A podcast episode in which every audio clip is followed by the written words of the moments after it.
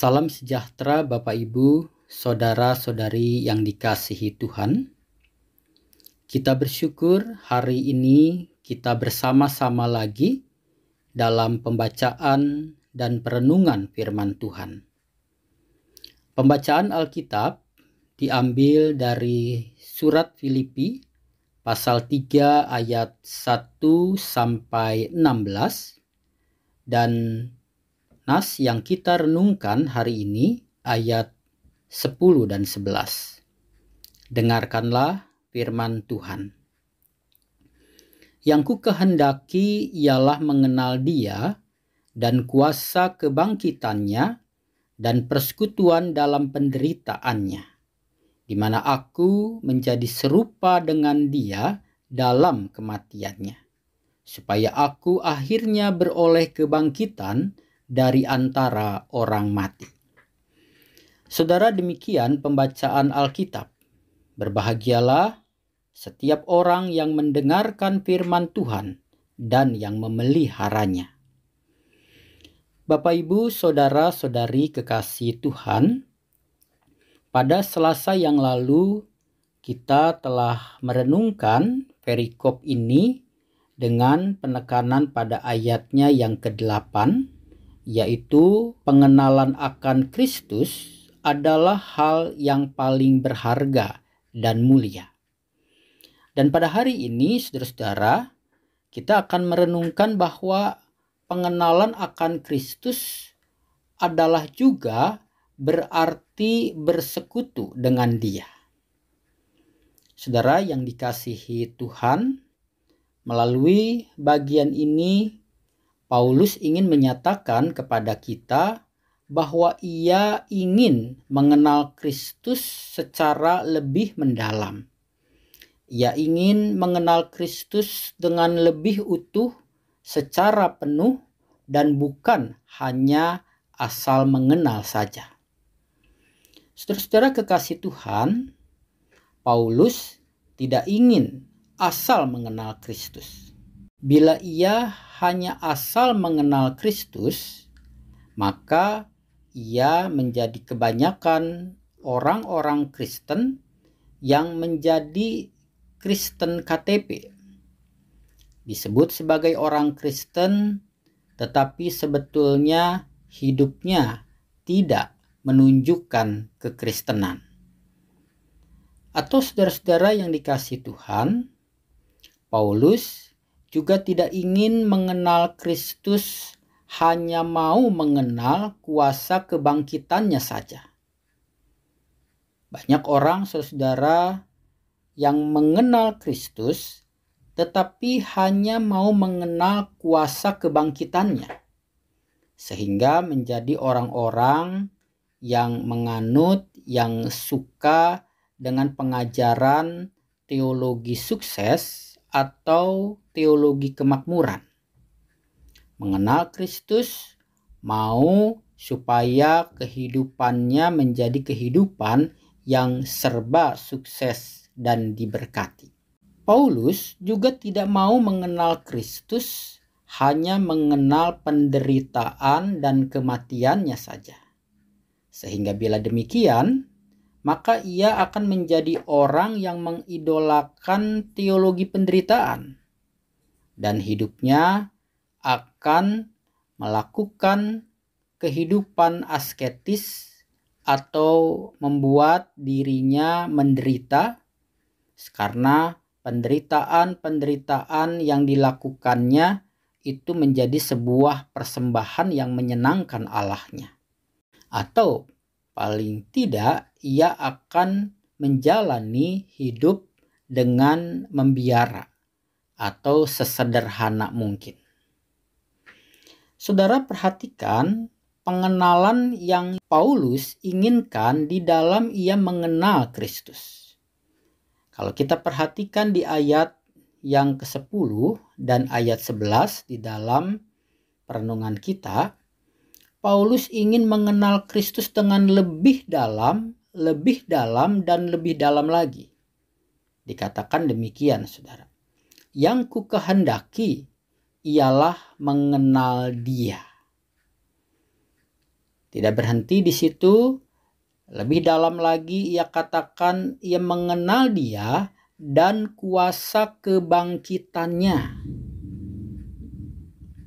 Dan ia pun tidak berhenti pada mengenal kuasa kebangkitannya. Dikatakan ia ingin lebih dalam lagi dan persekutuan dalam penderitaannya.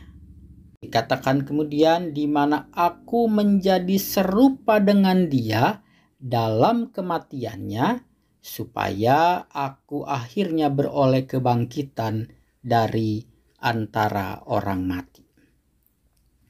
Pengenalan yang makin dalam tidak sekali jadi. Pengenalan akan Kristus yang lebih dalam, lebih baik, lebih sempurna itu harus terus-menerus diupayakan. Membutuhkan waktu dan membutuhkan usaha. Itu artinya saudara-saudara mengenal dan bersekutu dengan dia itu membutuhkan banyak sekali pengorbanan. Dan inilah saudara-saudara yang sedang dan terus Paulus lakukan dan upayakan. Tetapi di atas segala upaya itu, Paulus menyadari bukan semata-mata usahanya yang bisa mengenal Kristus, melainkan juga karena kasih karunia Allah. Lalu apa yang ia upayakan di dalam pengenalan akan Kristus itu, saudara? Di situ diungkapkan ibarat seorang pelari yang mengarahkan dirinya pada tujuan. Yang ia lakukan adalah melupakan apa yang di belakang, melupakan masa lalunya, kehidupan lamanya yang penuh dengan dosa, kebanggaannya akan hal-hal yang lahir ya, dan segala hal yang duniawi. Kemudian mengarahkan diri pada apa yang di depan, yaitu panggilan sorgawi dari Allah di dalam Kristus untuk terus hidup bertumbuh serupa dengan Kristus. Hal ini saudara-saudara seperti yang diungkapkan oleh Yesus sendiri kalau mau mengikut Kristus yaitu jangan seperti orang yang siap membajak tetapi kemudian ia menoleh ke belakang. Yesus katakan orang seperti itu tidak layak untuk kerajaan Allah. Saudara yang dikasih Tuhan, bila diibaratkan pengenalan akan Kristus seperti yang Paulus ungkapkan, mungkin seperti orang membaca buku biografi. Dia ingin mengenal tokoh yang baik dengan nilai-nilai kehidupan yang baik, dan ketika ia membaca, ia semakin mengenal dan ia ingin menjadi seperti tokoh itu, saudara. Nah, saudara kekasih Tuhan, Pengenalan Paulus akan Kristus yang seperti inilah yang membuat dia mampu berkata. Dikatakan, aku tahu apa itu kekurangan dan aku tahu apa itu kelimpahan. Dalam segala hal dan dalam segala perkara, tidak ada sesuatu yang merupakan rahasia bagiku, baik dalam hal kenyang maupun dalam hal kelaparan baik dalam hal kelimpahan maupun dalam hal kekurangan. Segala perkara dapat kutanggung di dalam Dia yang memberi kekuatan kepadaku. Dan di bagian yang lain, saudara, pengenalan Paulus akan kuasa kebangkitan dan bersekutu dengan penderitaannya, itu juga yang membuat ia mampu berkata, Siapakah yang akan memisahkan kita dari kasih Kristus, penindasan atau kesesakan atau penganiayaan atau kelaparan atau ketelanjangan atau bahaya atau pedang. Tetapi dalam semuanya itu kita lebih daripada orang-orang yang menang oleh Dia yang telah mengasihi kita.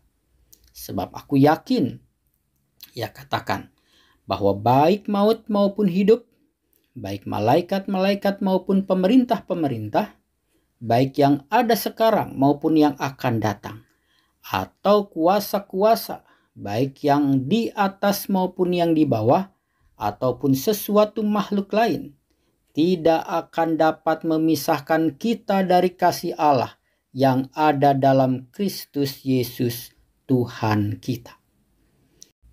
Saudara yang dikasih Tuhan, itulah keinginan Paulus untuk mengenal Kristus lebih dalam. Ia mengenal kuasa kebangkitannya, ia juga mengenal penderitaannya, kematiannya, bahkan bersekutu di dalam penderitaannya. Dan pengenalan itu, saudara-saudara, memampukan Paulus untuk tetap bertahan di dalam imannya, dalam segala kondisi apa pun juga yang ia alami. Pertanyaannya, saudara-saudara kekasih Tuhan, bagaimana dengan pengenalan kita selama ini akan Kristus? Apakah kita hanya asal mengenal? Sehingga kalau kita asal mengenal Kristus, kita menjadi Kristen asalan yang mudah diombang-ambingkan angin pengajaran dan mudah diombang-ambingkan situasi dan kondisi seperti keadaan saat ini. Atau saudara-saudara, pengenalan kita akan Kristus hanya untuk mengenal kuasa kebangkitannya saja. Sehingga kita menjadi orang Kristen gampangan yang hanya mau berkat, mau kesuksesan, mau mujizat, dan segala macam keinginan diberikan Tuhan dengan kuasanya. Namun, di sisi lain, kita menjadi orang-orang Kristen yang marah dan bersungut-sungut ketika mengalami pergumulan, kesusahan, dan penderitaan. Atau saudara, kita hanya mengenal penderitaan dan kematian Kristus saja. Sehingga kita menjadi orang yang mengidolakan teologi penderitaan. Mungkin saudara saat ini teologi penderitaan ini tidak populer. Apalagi sebelum masa pandemi. Tapi dulu ketika banyak orang di dunia menderita dan kelaparan, baik karena perang, kekeringan, krisis ekonomi, dan lain sebagainya. Teologi penderitaan ibarat candu yang membuat orang yang susah dan menderita dibiarkan untuk menikmati penderitaan dan kesusahannya. Mungkin dengan slogan-slogan biar miskin, biar susah, biar menderita di dunia, tapi nanti kita akan bahagia di surga. Sehingga dengan teologi penderitaan itu kita tidak memiliki daya juang untuk memperbaiki keadaan hidup kita, keadaan di sekitar kita. Kita menerima begitu saja tanpa upaya untuk memperbaiki diri. Atau saudara-saudara, kita mengenal Kristus seperti Paulus. Mengenal dia lebih dalam, mengenal Dia lebih dekat, mengenal Kristus lebih akrab, mengenal seperti seorang sahabat yang mengenal sahabatnya, baik suka maupun duka dialami bersama. Mengenal begitu dekat seperti seorang anak terhadap ayahnya. Saking dekatnya pengenalan itu bisa seperti ranting yang menempel dengan pokoknya mengenal Kristus yang mulia, tetapi melalui jalan penderitaan.